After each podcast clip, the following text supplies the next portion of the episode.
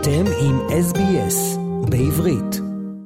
שלום, נעים מאוד, שמי ענת שכטר ויידור, אני מדברת מישראל, בתל אביב. ענת, ברוכה הבאה ל-SBS, המשדר בעברית ברחבי אוסטרליה. ענת, אולי תציגי את עצמך לפני מאזיננו. מי ענת שכטר ויידור?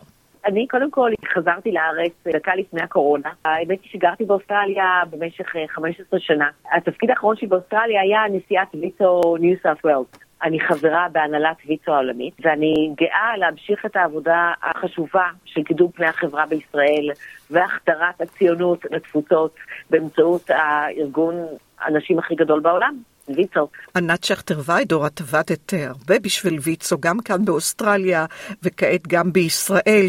רציתי לשאול אותך על ההשתתפות שלך בקונגרס הציוני שנערך לפני כמה שבועות בבאזל בשוויצריה, לציון 125 שנה לקונגרס הציוני הראשון עם חוזה המדינה בנימין זאב הרצל. איזה סוג של חוויה הייתה לך להשתתף בקונגרס ציוני כל כך חשוב? אחרי שאת שואלת ניצה, כי באמת זו הייתה חוויה. ואני למודת אה, עסקנות ציונית, אני התחלתי כשליחה של הסוכנות באוסטרליה, ככה התחלתי את הקריירה הציונית שלי, כפי שאומרים. אני נינה לבילויים, את הבילויים, אז הציונות היא זורמת בעורקינו, ועדיין, עם כל זאת, אני מגיעה לשם, הצליחו לסחרר אותי. לסחרר אותי בפעימת התרגשות וב... החדירו לי עשייה עתידית, כאילו רצון לעשות, ויצאתי פשוט מלאת השראה. כי מה שקרה בבאזל לפני 125 שנה, קרה בבאזל גם בשנת 2022. אנחנו ייסדנו ציונות חדשה על ידי נוכחות של 1,400 צירים שהם בעצם מנהיגי העולם היהודי, וחכו שם, ופשוט עשינו ארכיטקטורה לציונות הבאה. מה זה הציונות מבחינתנו ל-25 שנה הבאות או ל-125 שנה הבאות. זה מאוד מעניין, כיוון שבנימין זאב הרצל, כשהוא בא עם החזון הציוני, הרי לא היה לו שום דבר להסתמך עליו. הוא לא היה איש פוליטיקה, הוא היה עיתונאי, ולחלום על מדינה יהודית. מדינה יהודית מתקדמת, תארי לך לפני 125 שנה שהיהודים היו מפוזרים בכל התפוצות, בכל העולם, להקים מדינה חילונית עם חזון כזה, זה היה משהו אדיר. אז מה אתם יכולים להציע? מה החזון שלכם, החזון הציוני ב-2022? זה חידד לי את החזון שלנו. למעשה, במשך 125 שנה, ואני אגיד את זה בכמה מישורים. במישור האישי קודם כל. במישור האישי לא שלי, במישור האישי של כל אחד מאיתנו. מה זה בעצם ציונות? ציונות קודם כל זה אחריות. אתה ציוני, אתה אחראי. כל אחד מאיתנו יש לו אחריות למפעל הציוני. כל אחד הוא חייב לקחת חלק בזה. כי למעשה ציונות, ושם הבנתי את זה יותר ויותר בגדול, יותר ברמת העיקרון, כי אני עושה את זה כמו על אוטומט כבר שנים, כן? כי אני יודעת שככה צריך. אבל פתאום נפל לי האסימון. הציונות היא חלק מהעם היהודי. היא חלק מהיהדות. היא לא חלק בלתי נפרד. זה לא חזון פוליטי. זה בעצם חלק מובנה מהתרבות של כל יהודי ויהודי. ואני מובילה את זה לשלב הבא, שמי שמכחיש ציונות, או מתכחש לציונות, ואומר הציונות היא פסה, או אני לא חלק מהמפעל הציוני, או אני לא ציוני, למעשה הוא קורא להשמדת העם היהודי. כל המתנגדים אלינו בעולם שאומרים הציונות היא לא רלוונטית, או הציונות לא צריכה לקרות, או התנועה הציונית היא כך וכך, הוא בעצם אומר העם היהודי הוא כך וכך. כי זה חלק מהתרבות שלנו. זה חלק מהנרטיב שלנו, מההיסטוריה שלנו, מהקשר הטוויסטי שלנו. צריך להבין את זה.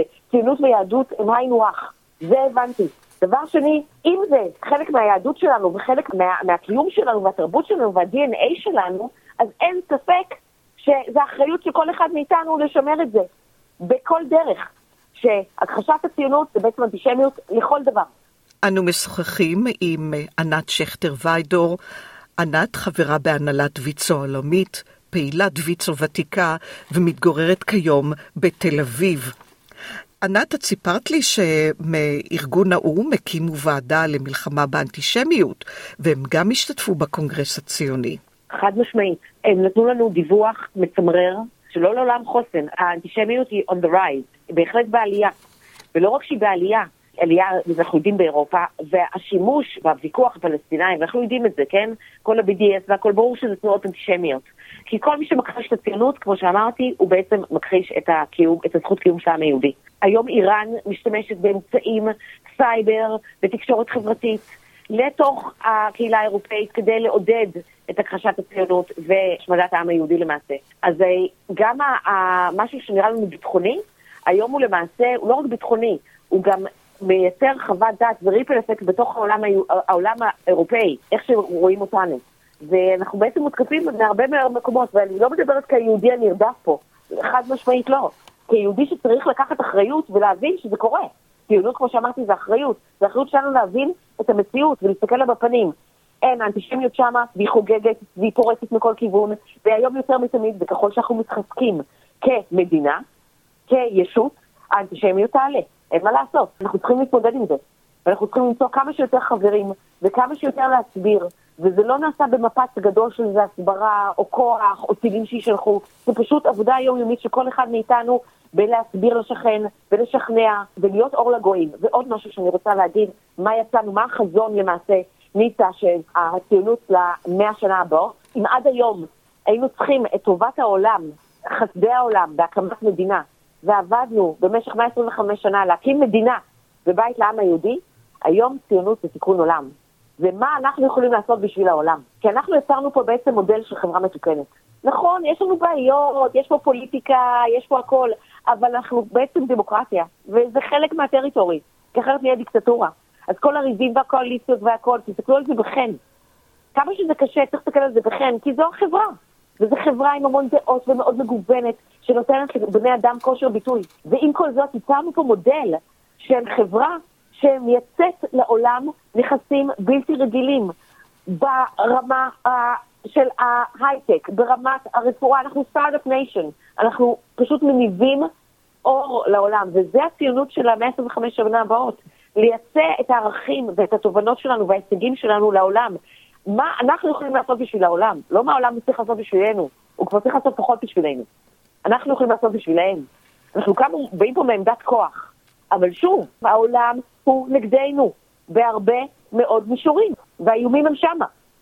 ענת, אני רציתי לשוחח על אה, משהו שאת סיפרת לי על איש עסקים מדובאי, שיזם והקים מוזיאון שואה בדובאי כדי למנוע הכחשת שואה. אז זה פשוט דבר מסחרר, זה רק מראה שיש עתיד לשלום. זה רק על ידי הסברה ואינטרסים משותפים. יש לנו פה עכשיו לא, הסכם אברהם אקורד, שיצר פה פשוט שותפות מהממת עם מדינות המפרץ. פה בן אדם הלך והחליט שחייבים במדינות המפרץ לחנך את ה... כדי שיהיה שלום אמיתי, הכל מתחיל מחינוך. והשנאה העיוורת שיש לעולם הערבי בגלל חינוך קלוקל. ולכן בוא נחנך, אם אנחנו רוצים שלום אמיתי, מדינות המפרץ, החזון שלו היה לחנך את בני האומה שלו, מה זה יהדות ומה זה ציונות, ואיזה איומים עברו היהודים כדי, ו- וסכנות הכחדה כדי להקים את המדינה הזאת, ולמה המדינה הזאת צריכה להיות. אז דבר ראשון, שהוא פתח תערוכה ראשונה בעולם הערבי, שבעצם מספרת את סיפור השואה.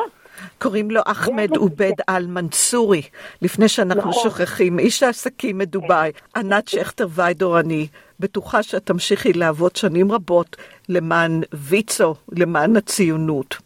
רב תודות. רוצים לשמוע עוד סיפורים? האזינו דרך האפל פודקאסט, גוגל פודקאסט, ספוטיפיי, או בכל מקום אחר בו ניתן להאזין לפודקאסטים.